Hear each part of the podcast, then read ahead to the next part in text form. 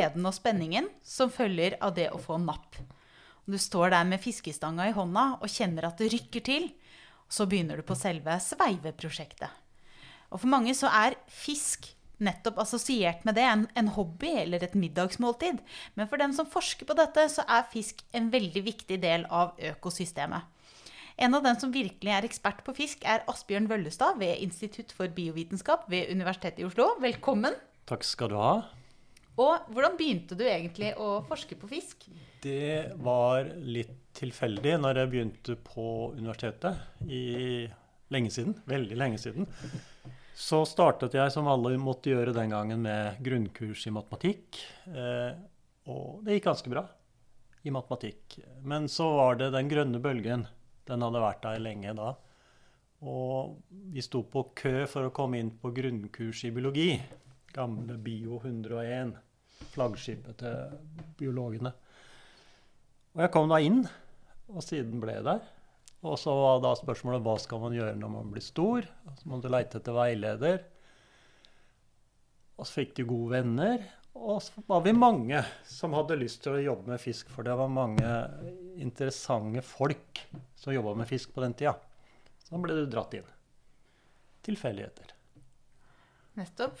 Så jeg, for jeg så for meg at du kanskje var en av dem som hadde sånn fisk som hobby. Og så at at du bare hadde det som lidenskap i utgangspunktet, kanskje?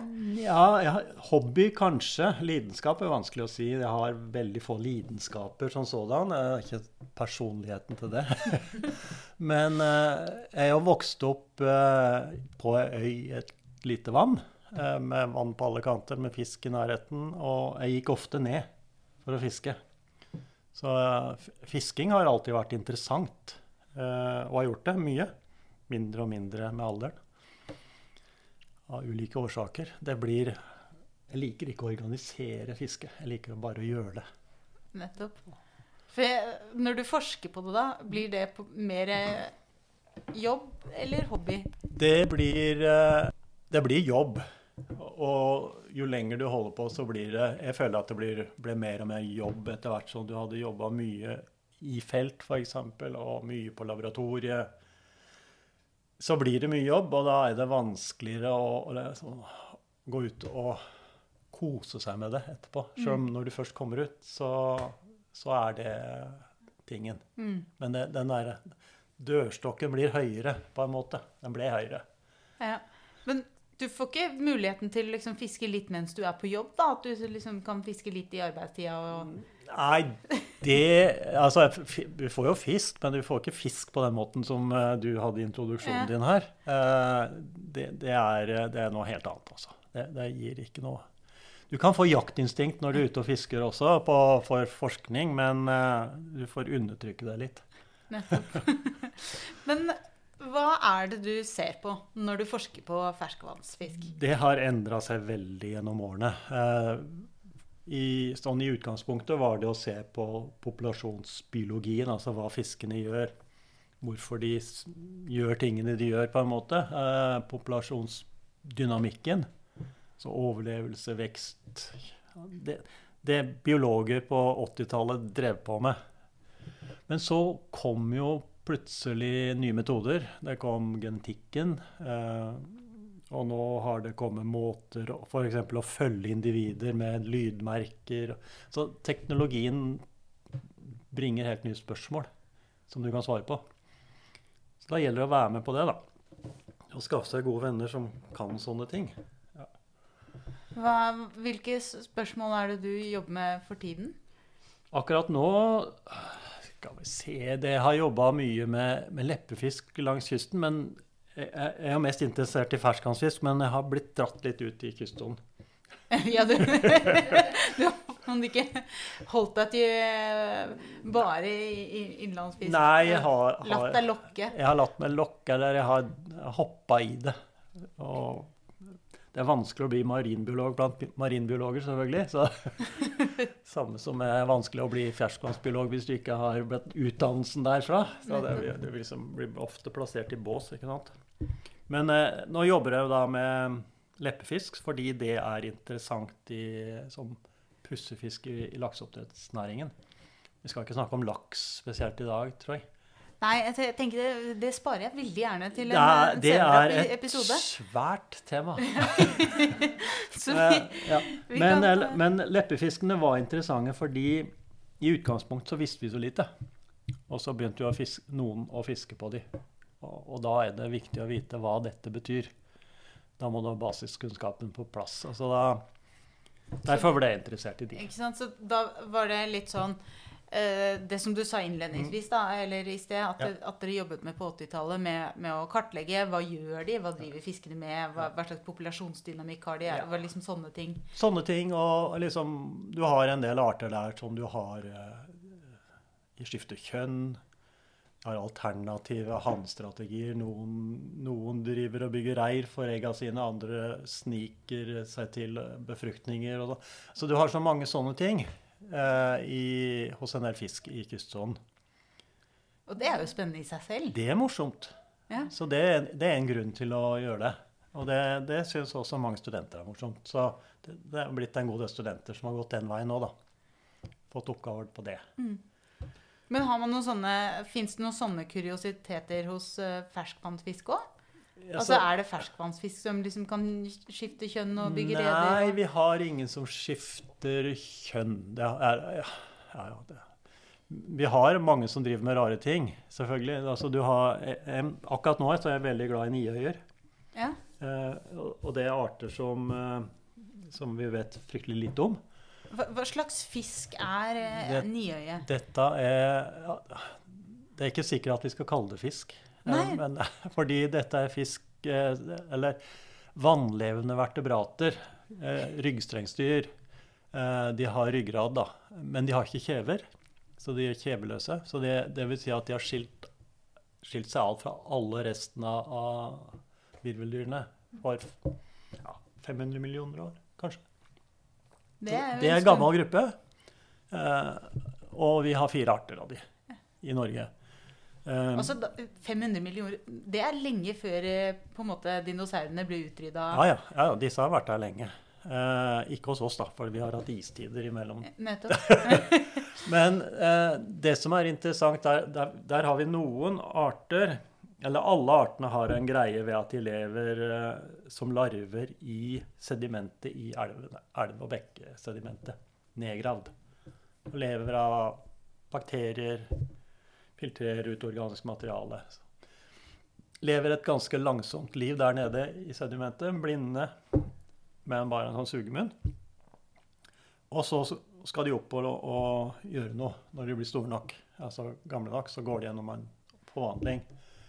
Og da er det noen av de som kjønnsmoden med en gang. De har et larve som blir kjønnsmoden, og så reproduserer de med en gang, og så dør de.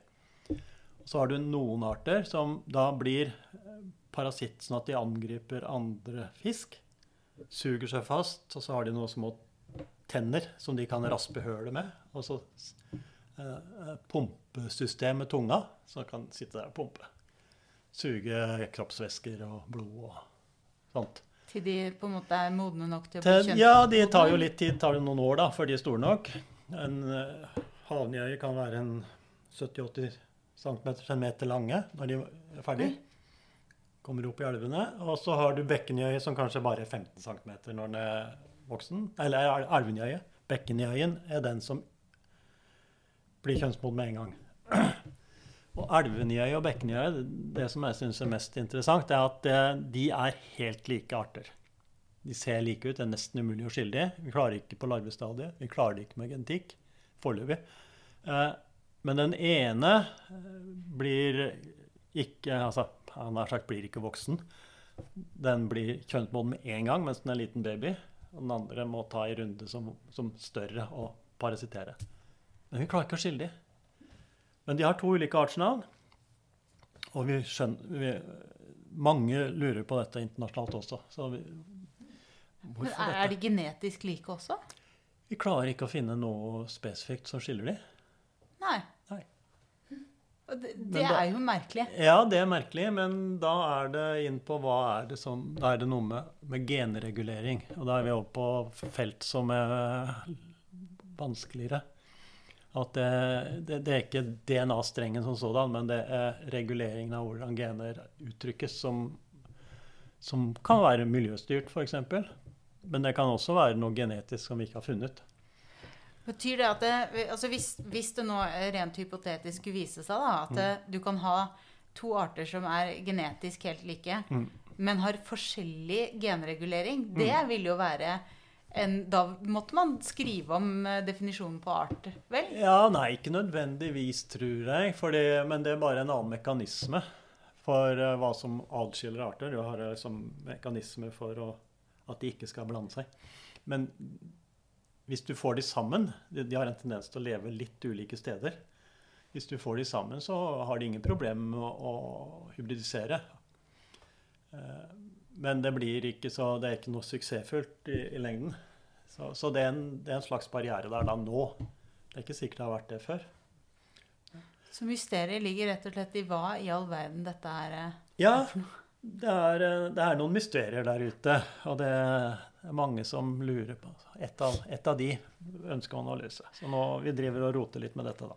Ja, har, du, har, du, lov til å si hvordan du tenker å gå fram eh, for altså, å finne jo, ut, eller? Jo, jo. Altså, har, altså, jeg har en, eh, en masterstudent sammen med gode kollegaer som driver og, og, og lager gode gensekvenser for hele genomet til de to artene. Vi er godt i gang.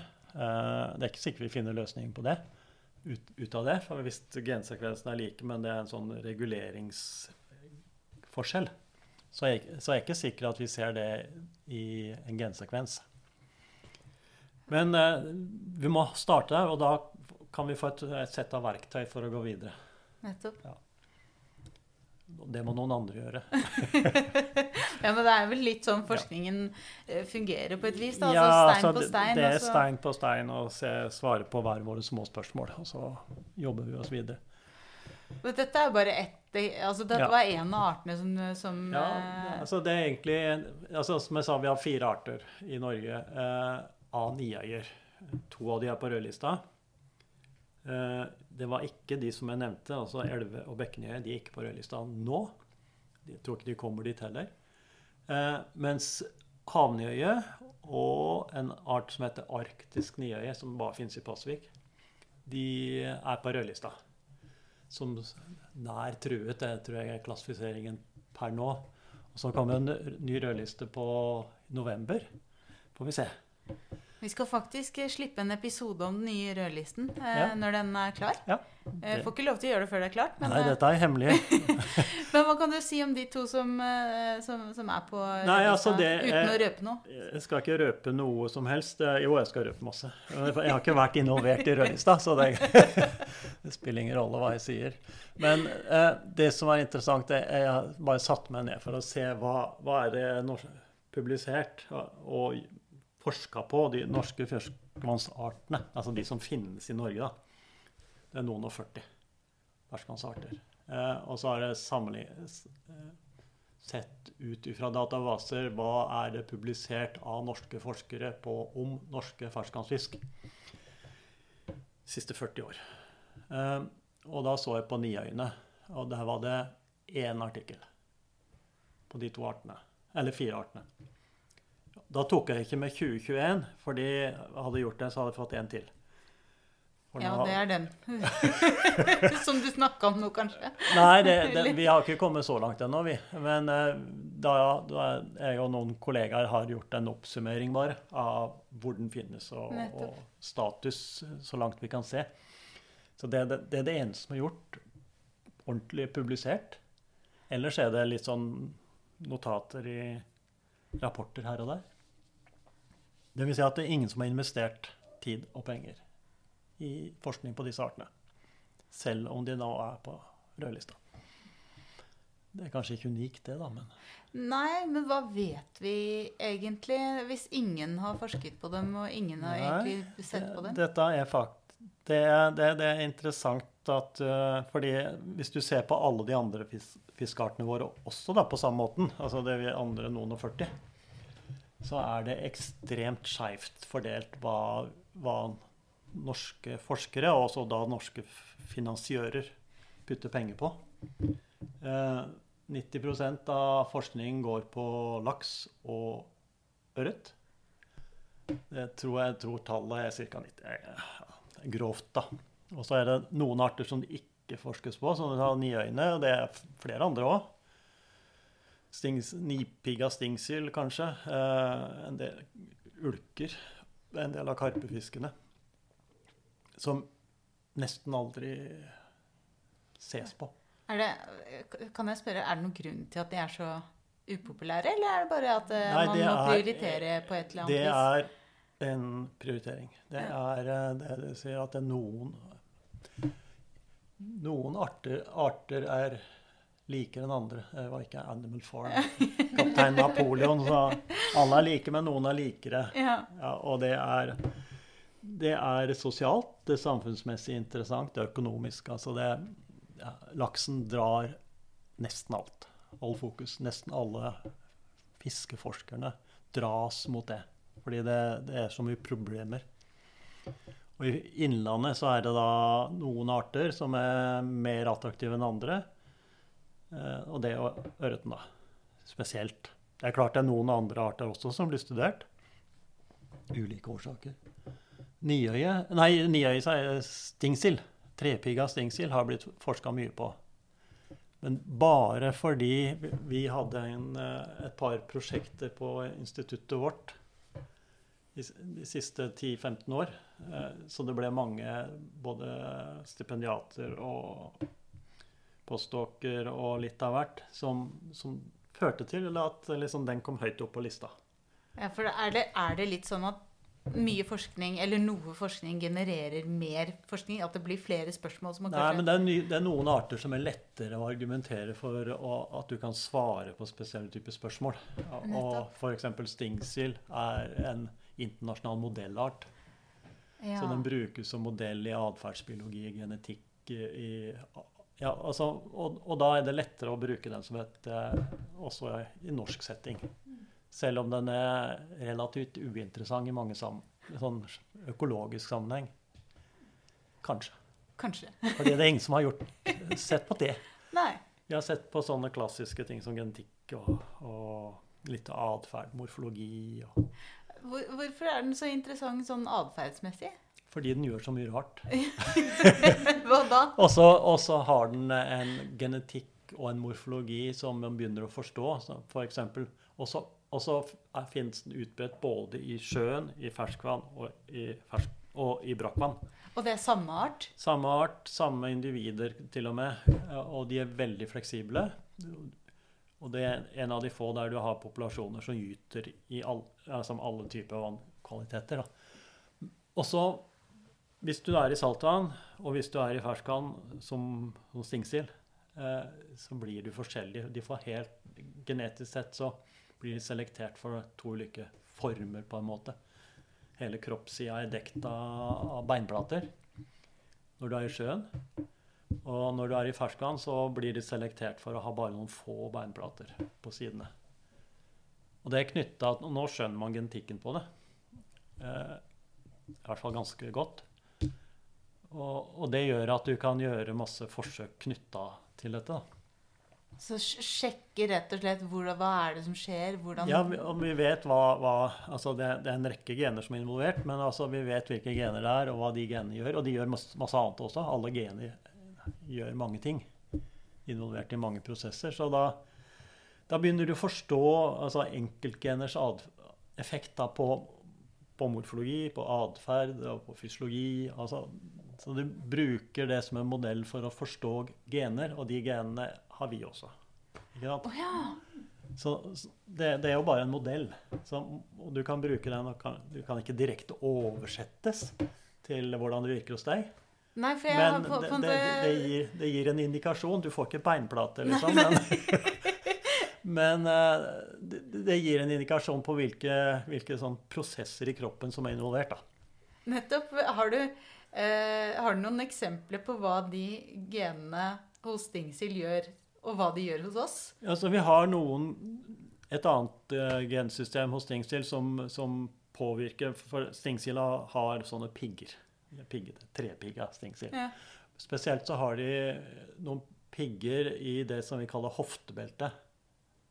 Eh, og det genet som styrer om de får pigger eller ikke, det samme genet har vi, og som styrer utviklinga av, av hofteutviklingen. Oi, Vi kan ikke slå av det genet, sånn som stingsilla gjør, for da, da det funker ikke. Nei. det funker ikke.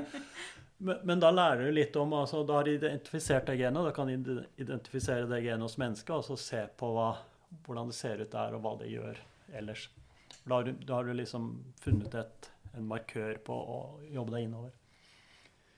Så det, sånn bruker de da modellene.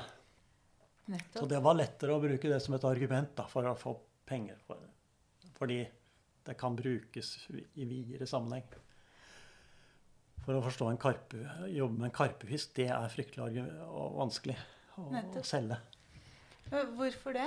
Eh, Nei, fordi For det første er det ingen som har interesse av det. Ingen som klarer å selge det som en modellorganisme. Det er, ingen vil spise den. og mange av de er ikke noe ordentlig problem heller. Så ja. Så er det ikke det litt trist at de må være enten utrydningstrua eller et problem eller interessante for, For medisin? eh, Jo, det, jeg syns det, det er kjedelig. Eh, og det, det der liksom kommer inn på den der niøyen igjen. Fordi det er en veldig morsom art på ma mange måter. For den har en veldig interessant biologi. Som, som, som biologi, ikke som nyttefunksjon eller noe sånt. Men så, vi burde gjøre mer sånt. Ja. du lurer på hvordan eh, Ja, finne ut mer om hvordan disse fiskene lever livene sine. Ja, men- jeg syns jo det var interessant da, det du sa om at de, eh, den ene arten at de, de er trolig tro arter, men de er jo helt like Ja. Det er jo fascinerende. Det er fascinerende. Eh, vi, har en, vi har en litt interessant eh, noe lignende hos saure og laks. da.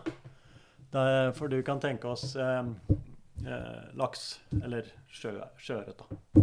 De, der ungene lever på ferskvann hele tida. Og så på et eller annet tidspunkt, en vår, så går de til sjøen. Da har de gjennomgått en forvandling som skjedde i løpet av vinteren. Den starta lang tid i forveien. En, en sånn forberedelsesfase. Så skifter de fysiologien sin for å være en ferskvannsfisk være en saltvannsfisk. Og så går de ut og blir store, og så kommer de tilbake. Men så er det en gjeng som har eh, droppa dette. Altså, det kan være broren til han som gikk ut. Han kjønnsmodna når han var liten. Eh, og prøver da å reprodusere med de store hundene som kommer tilbake. En laks på 10 kilo og en liten hann på 15 cm. Han har ikke gått til sjøs. Og han, og, han valgte å gjøre noe annet. Ikke sant? Og det er veldig likt det, akkurat det du finner hos uh, niøyene. Det er noen som går til sjøs eller inn til ut i innsjø. Og noen som bare OK, vi gidder ikke det. Vi starter som liten. Gjennomfører livet som liten. Da går, da går livet mye fortere. Altså de lever et kortere liv. Blir tidligere kjønnsmoden og rekker å liksom få genene sine videre tidligere. Hvis de klarer det. Så det er litt gambling, da. Det, det er litt Altså- gambling. Det er tøft å være liten. Nettopp. Du, ja, for Ja. Man, kan jo, ris- man risikerer kanskje å bli spist eh, og litt sånn Ja, det er sannsynlig Altså hvis du er en liten laksehann som har kjønnsmodna som en liten 15 cm han skal prøve å li liste det fram på yteplassen med de store hannene og de store hundene, så en rekke av de blir spist. Er hundene noe interessert i de små hannene? Nei, nei. nei, de er ikke det. Så de må finne noe annet. En må annen måte å gjøre det på. Og det er da å, å lure seg til, altså snikfertilisering. Og det, dette er jo dyreriket er fullt av det. Der eh, de hannene har funnet en alternativ vei. da. Mange av de later som de er hunder, eh, sånn at de ikke blir gjenkjent som hanner. Sånn at de store, dominante ikke skal jage de vekk. Og andre bare sniker seg inn, gjemmer seg gjør seg usynlig så lenge de kan.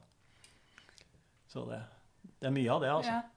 Ja. Mange strategier. Men du nevnte atferden til, Ja. til eh, stingsild, som noe som også var eh, forsket på. Var, er det Ja, det, det, det går jo veldig mye på, på interaksjon, altså partnervalg, hva som styrer partnervalg hos sånn.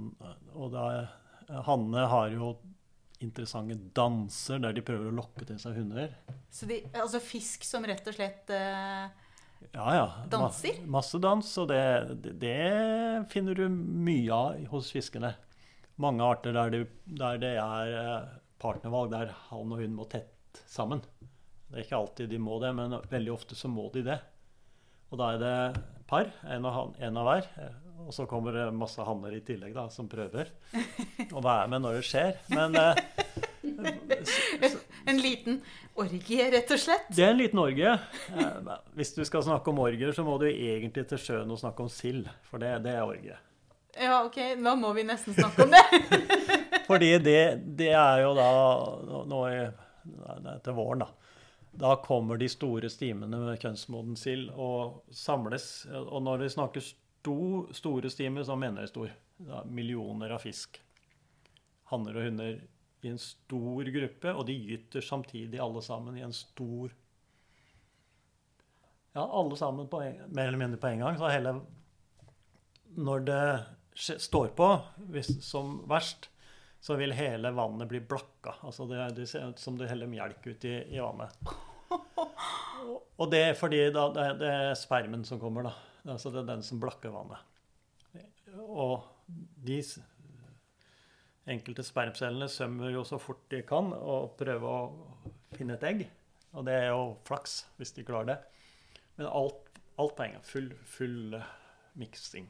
Og, det, og det, hvordan koordinerer de på en måte dette vårryre eh, Ja, her, ja, her er det jo da at det, det er lys og varme, han har sagt, som styrer at nå, er, nå nærmer vi oss at nå, nå er vi klar. Og da gjelder det at det, her signaliseres det masse. De slippes ut mye kjemi... ja, Feromoner og Jeg kan sånn? kalle det feromoner, i hvert Ja. fall eh, signalstoffer eh, i, i vannet, som synkroniserer det sannsynligvis. Vi vet ikke. Vi vet ikke. Ja, og det er jo også sånn som Ja. er, kunne vært morsomt, morsomt å vite på, for vi, nysgjerrighetens skyld, Ja. liksom.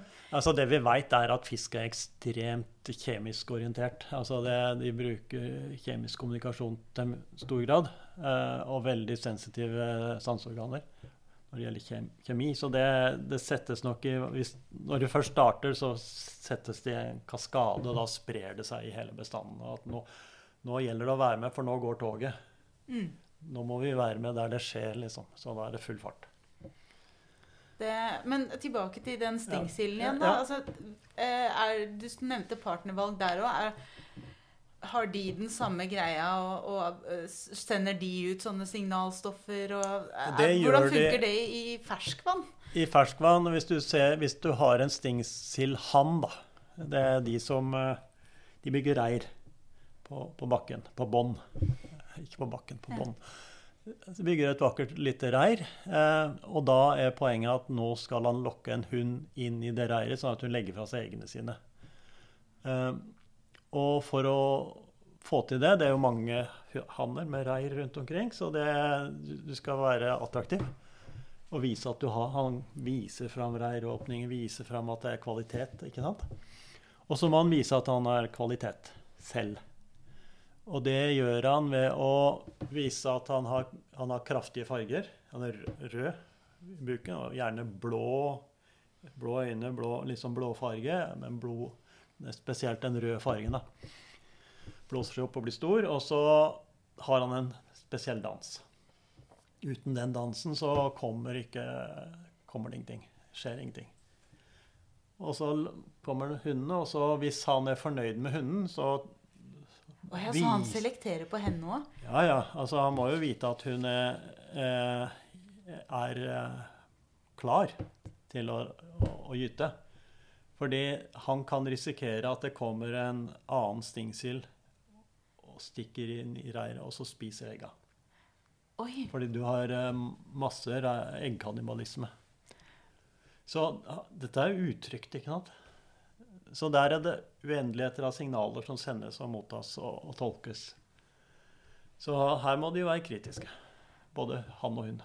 Så han, han danser dansen sin? Har en egen sånn siktak-dans som du kan se. Og så, hvis hunden syns det, det er ser bra ut, både dans og reir og kroppsform og Farger og hele pakka. Hele greia, hele pakka er god. Så stikker hun inn, legger eggene, og så svømmer han inn etterpå og, og gyter sin sperm over.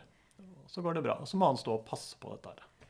Og da holder han øye med egga, sånn at ingen spiser dem. Og... Han jager vekk alle som kommer i nærheten, og bruker masse energi på det. Eh, og så samtidig så prøver han å rakte seg flere hunder. Han har, poenget er å få mest mulig. Ja, han har en viss mengde han har plass til, men han, han skal jo fylle opp kvoten. Og så passer han på, Når de klekker, så passer han på litt, og så svømmer de av gårde. Da har han plass til mer. Eller han kan bygge et nytt reir. Sånn, sånn holder de nå på.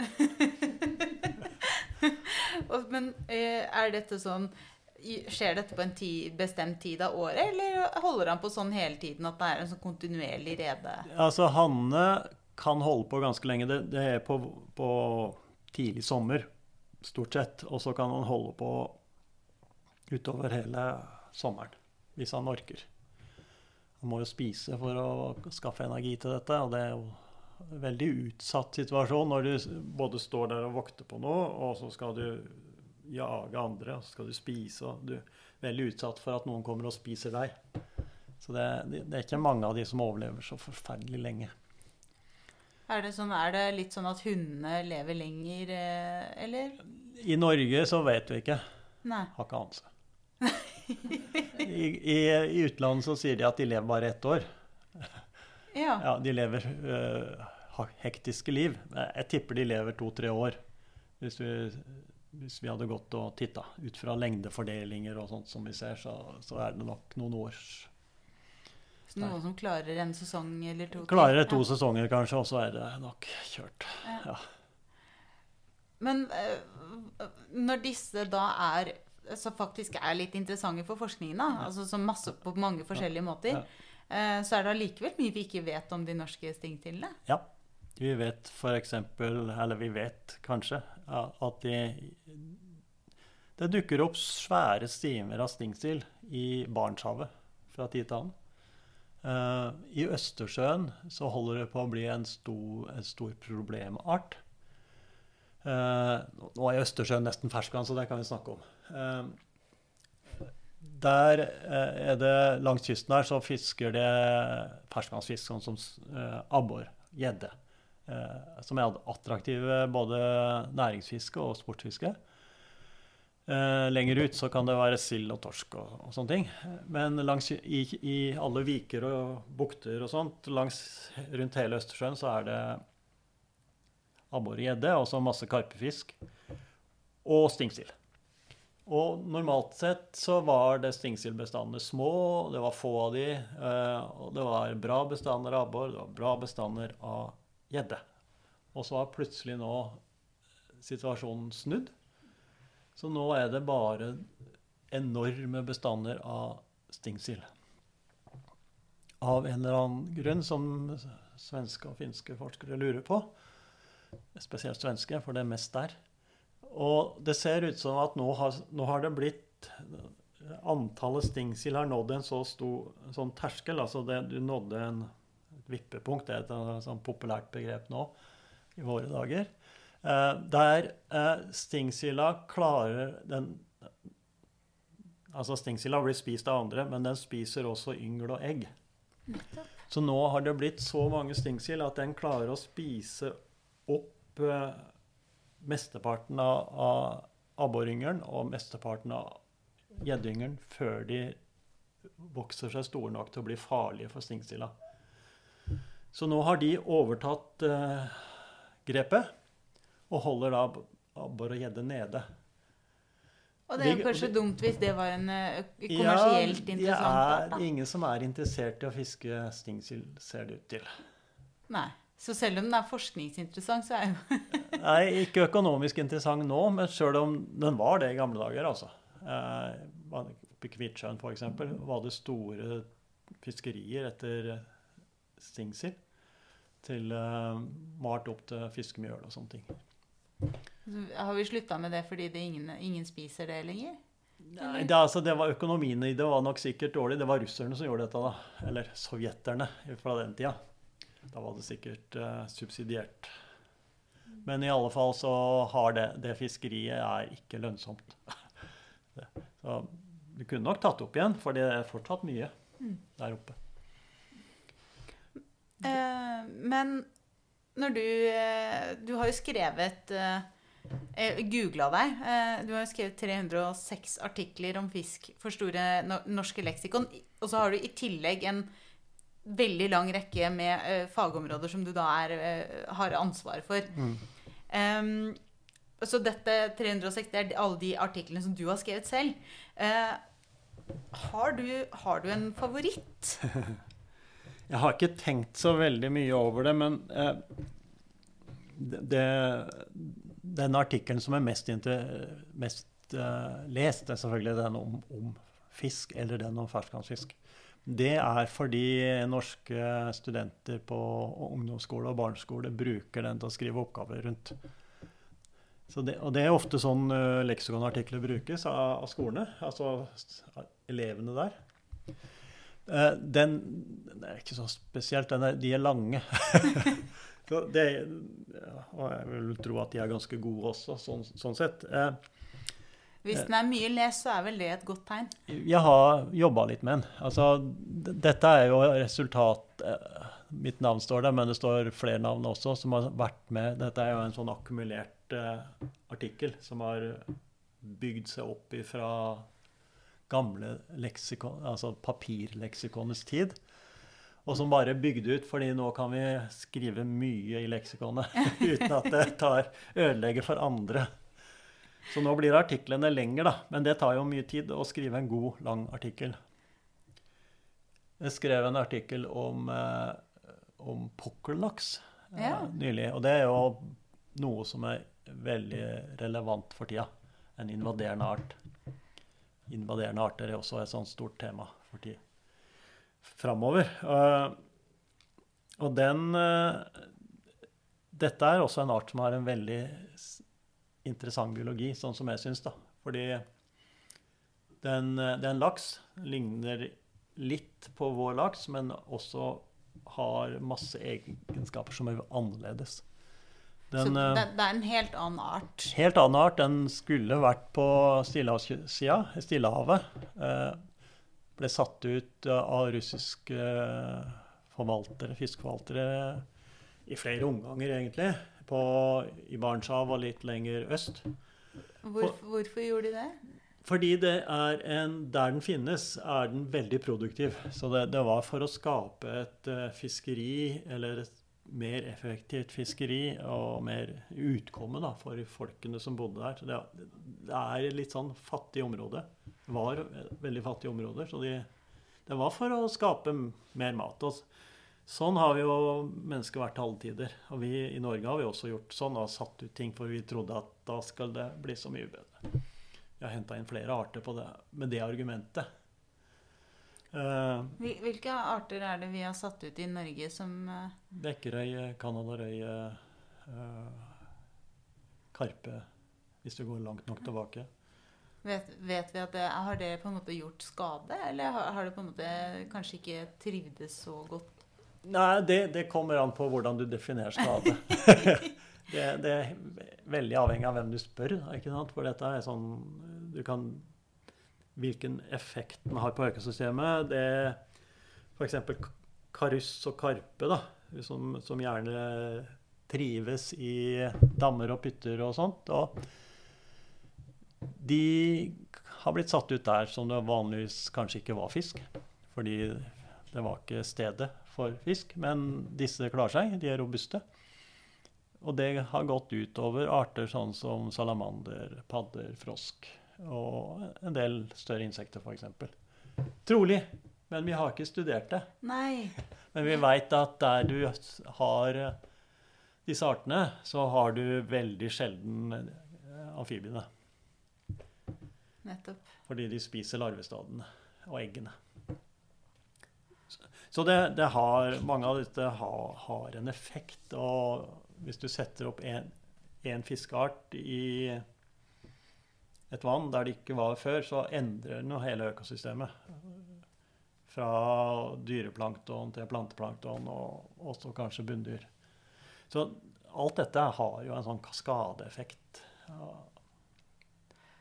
Men hvis vi ser på den pukkellaksen igjen, Ja. da. Altså, den har jo blitt veldig veldig upopulær i Norge. Den er Eh. upopulær, ja. Og grunnen til det at er, eller en av grunnene til det er at man ønsker å ta vare på den atlantiske laksen som ja, Nå har vel ikke lov til å si det, men den havner kanskje på rødlista. Kanskje. Jeg vet ikke.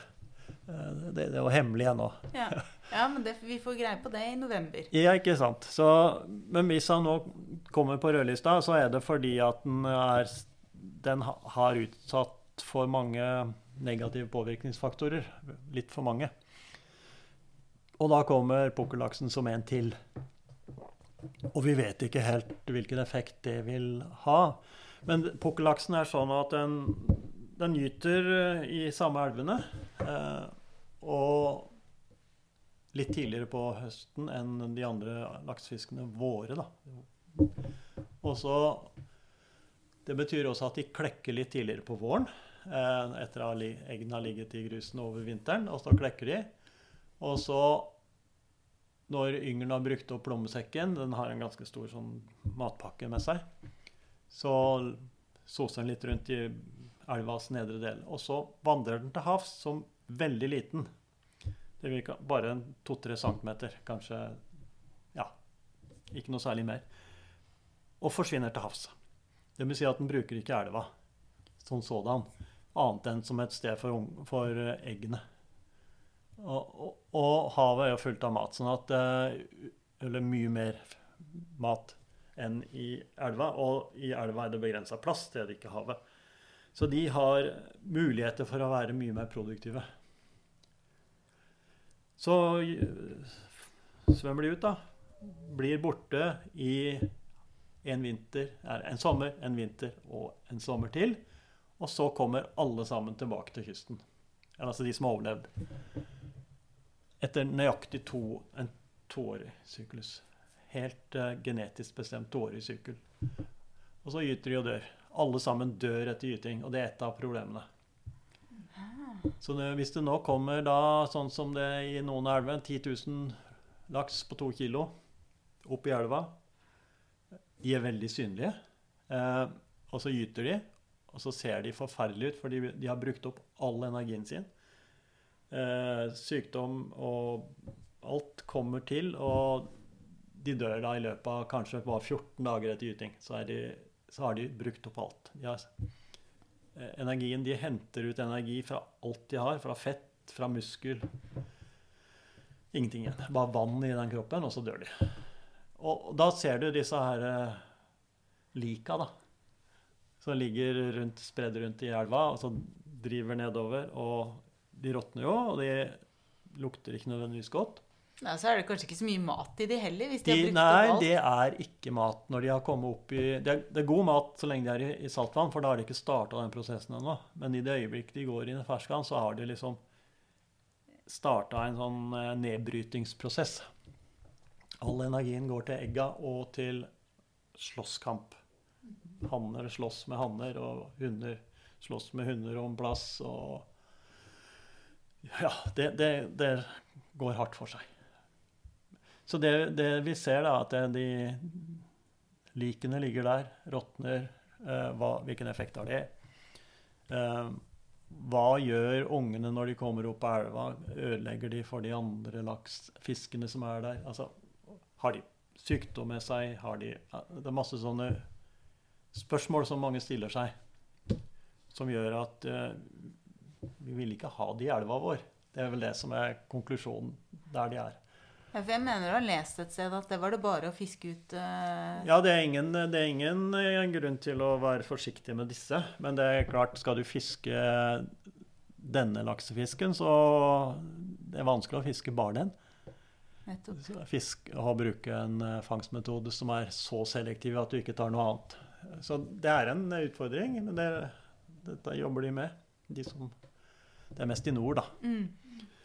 Det var da en del i, i Akerselva. Det var, eh, og I og med at de, de har en toårig livssyklus, så har det vist seg at eh, det, det er annethvert år at det kommer de store mengdene.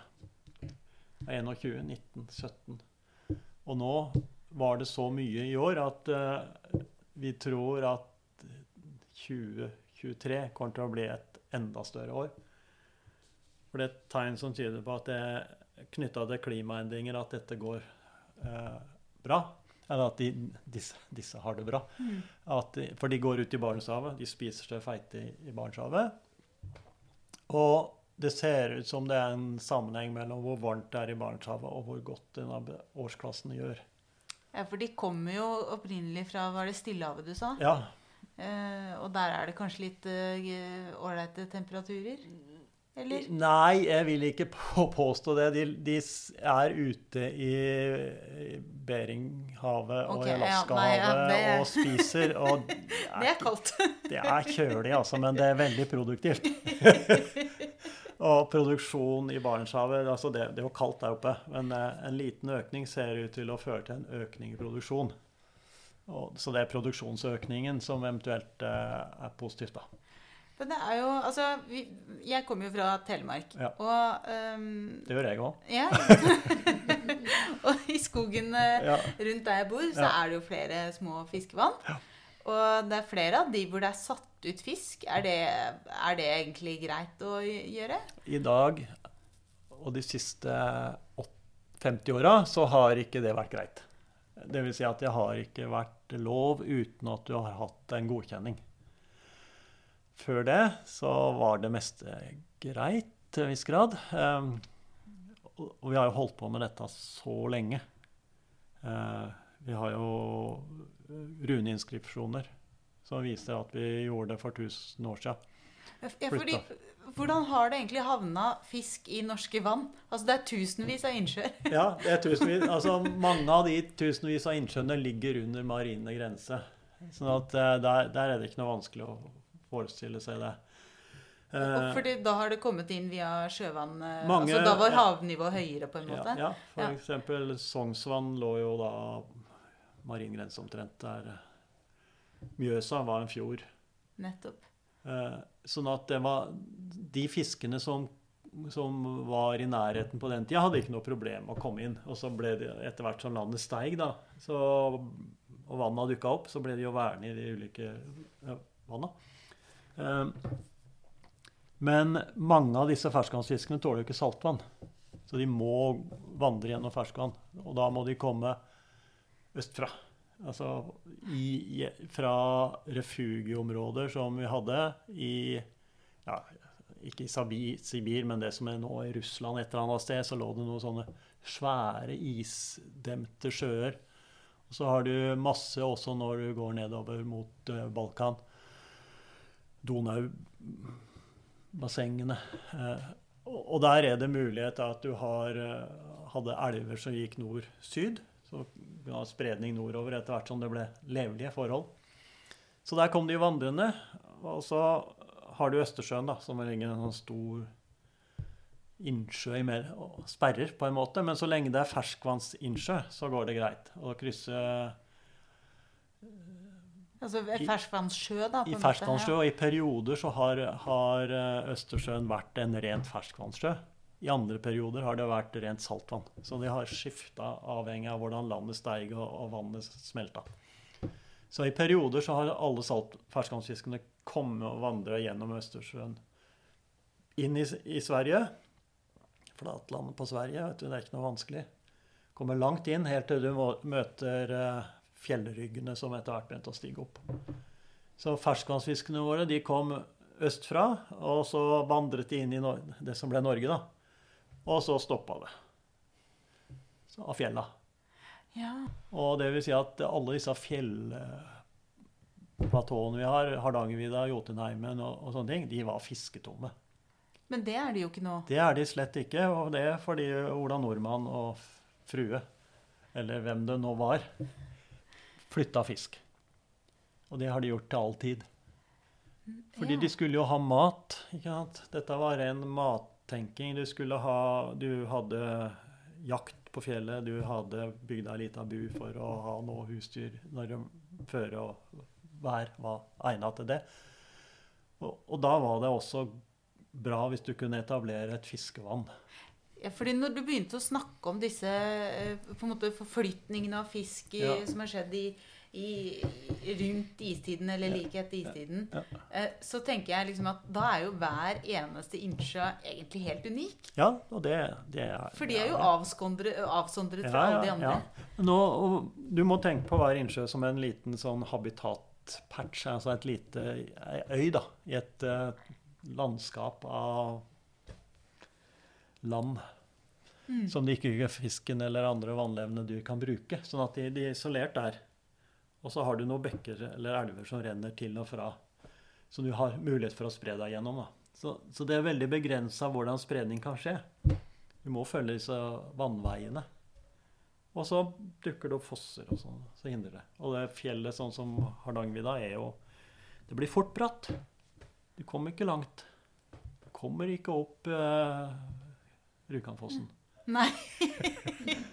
det skal være veldig, veldig sprek laks for å Ja, ja da, men eh, klare det. du kom ganske fint opp til Tinnsjøen. Ja. For det er ikke høyt. Nei, nei, nettopp. Ja. Ja.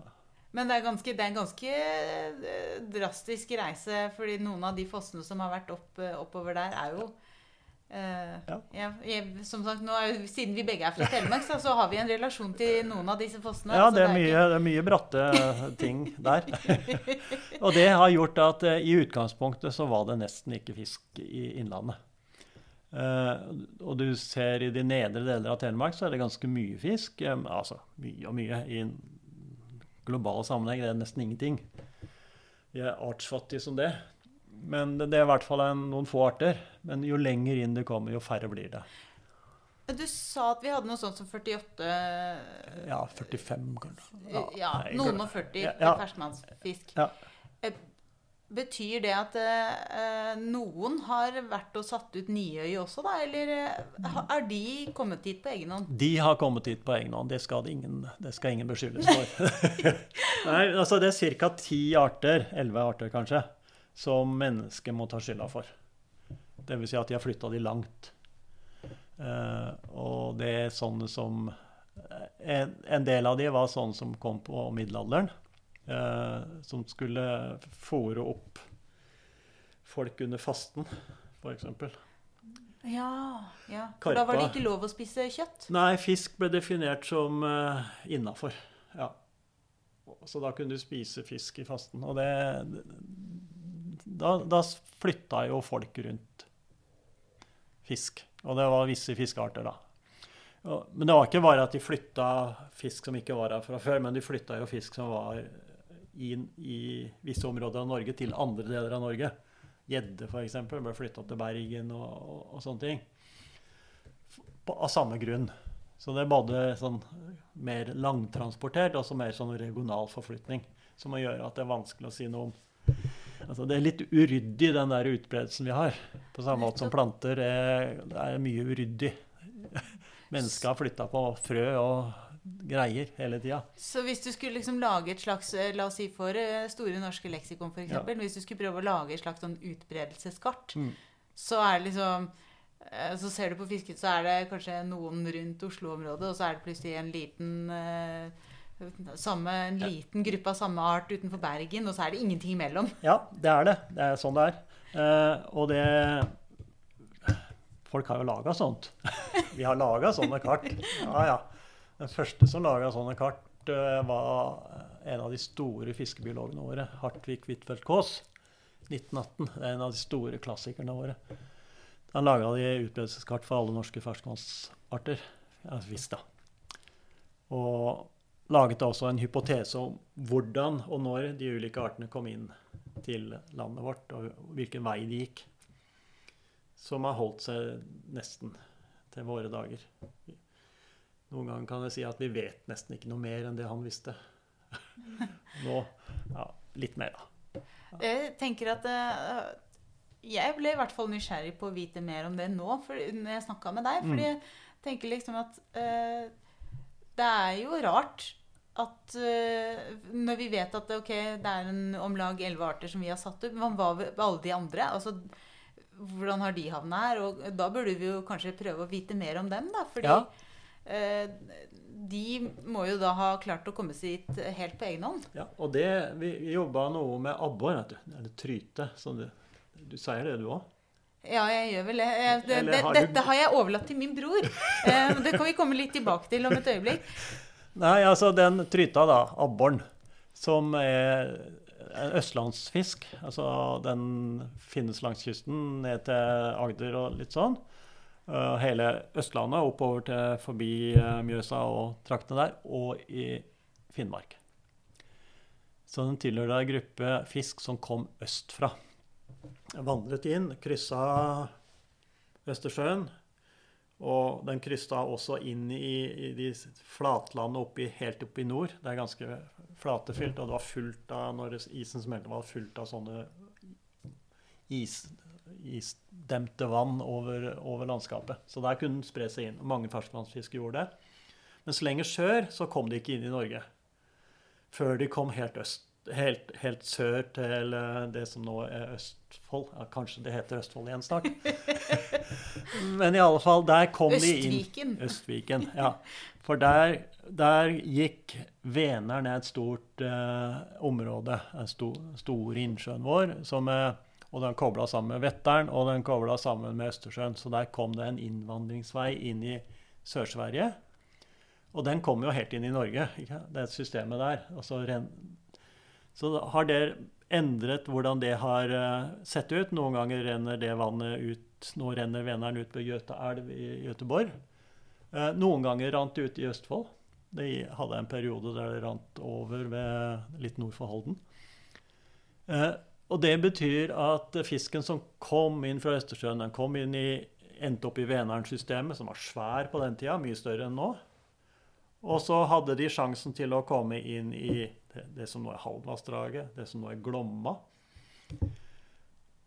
Men Glomma var ikke sånn da, vet du. Glomma gjorde en sving oppe ved Kongsvinger da, en periode. Så den rant rett fram og inn i Vänern-systemet i stedet for å renne ut ved Fredrikstad. Så da hadde fisken også en periode en sånn direkte vandringsvei inn i det som nå ble Mjøsa. Og, og de store, altså Glomma, Lågen, Rena. Og som ble fylt opp av ferskvannsfiskearter. Men de siste som kom inn, eh, det var de varmekjæreartene som var litt treige i starten. Så de, da var det stengt. Da hadde Glomma skifta retning. Så begynte det å bli fosser og stryk. Og de kom nesten ikke inn. De kom så vidt opp i de nedre deler av, av Glomma. Der har de stoppa. Sånn, sånn som gjørs, f.eks. Asp. Kjente arter som alle har et forhold til. De kom rett og slett ikke videre der. De, de kom, bare der. de kom ikke videre. Nei. Så har de blitt flytta bitte lite grann av noen, men ikke så mye. For det, det var ikke det. Det er ikke de som skal til fjells eller det, sånt. De er varmekjære. Men Vi var så vidt inne på det med abbor, og Ja. så spurte du om jeg sier abbor eller tryte. Ja. Eh, og da må jeg innrømme en ting. Altså fordi at jeg eh, Av meg og min bror Mm. så er det jo han som er den fiskeinteresserte. Mm. Eh, og den opplevelsen i starten med det, derre- det å få napp, det har kanskje skjedd meg en, et par ganger. Det var alltid han. Eh, og nå skal det sies at han var veldig interessert i fiske. Ja. Eh, så det er kanskje en slags sånn rettferdighet i det. Men, men da vi var veldig små, så syns jeg alltid det var veldig rart. For jeg kunne ikke se hva jeg gjorde annerledes. Um, Du satt bare og venta, du. Nei, Jeg kasta og kasta, men jeg vet ikke. Jeg ka- kasta kanskje feil, eller Ja, nei, så jeg bare lurte på Har du noen tips, da? Altså, nei, nei, jeg har ikke noe veldig godt tips til deg, egentlig. Men vi ser jo det blant Typisk hos laksefiskere, da, hvis du går, for der vet de noe om det. At det, det er en veldig liten del av laksefiskerne som tar mesteparten, eller får mesteparten av laksen. Og det samme gjelder hvis du skal fiske noe annet. Det er en liten, engere krets av, fiskere som får mye av det. Og det er fordi de investerer tid i det. Og så er de interessert sånn at de, de prøver seg på ulike ting. Små justeringer av det de holder på med, inntil de finner ut av hva som virker. Jeg har også en sånn eh, Søskenbarnet til min far han var en som var veldig morsomt og irriterende å være på fisketur med. Han, eh, han fisket med bambustang. Eh, avansert bambustang. Og fisket med flue da, på, på ørret. Og vi andre, vi gjorde også det. og vi fikk en og annen fisk, mange av oss. Og, og, men han bare gikk ut, og så gikk de plassene vi hadde gjort og der vi ikke fikk noe, og så fikk han det. Og så, så sa han ja, men bare fisk der, legges flua der, sier han. Og så gjør man det, og så, så får vi fisk. Så fikk vi fisk. Fordi han, han klarte å, å hadde lært seg å lese situasjonen, altså le, le, lese elva, på en måte. Det er det fiskerne kaller det. De må lese elva. De må se, tenke som fisk. Det, så du må rett og slett ha gjort det nok til at du begynner å skjønne tegninga? Ja, så må du ha en spesiell interesse for akkurat det. For det er så, det samme hvis du er en jeger, da. En jeger ser mye mer i naturen enn det en ikke-jeger ser. Han ser, eller hun ser Hvis du kjører langs veien, så ser han ting mm. langs veien ser, som du bare kjører forbi. Og det samme botanikere som kjører langs veien og botaniserer uh, kjørende. Lager mhm. lister mens de kjører. Eh, det, det er noe som du bare du, du, må investere så mye i det og være så interessert at du plukker opp til alle disse små, små signalene som du bruker. Da. da tror jeg kanskje jeg skal eh, sørge for at Uh, jeg i framtiden Jeg stiller med tilbehøret. Ja. og så kommer noen som har uh, brukt tida til å spesialisere seg med, med, med middagen. Uh, men jeg tror faktisk at vi dessverre må runde av her. det har vært veldig interessant å ha deg, Asbjørn. Ja, veldig spennende. og til alle dere som hører på, så må jeg bare si at det er bare å like og dele. Send oss gjerne en e-post på biopodden at bio.no. Og ellers er det bare å si 'vi høres'. Takk for i dag. Takk for i dag.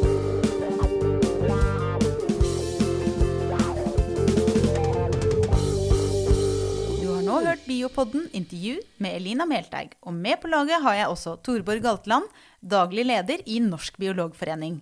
Musikken du hørte, er laget av biologibandet Overgump og består av Even Sletteng Garvang, Markus Fjelle, Erik Møller, Mathias Kirkeby og Audun Rugstad.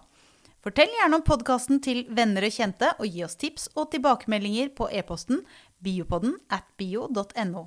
Og hvis du vil støtte oss, er du hjertelig velkommen som medlem av Norsk biologforening. Vi høres!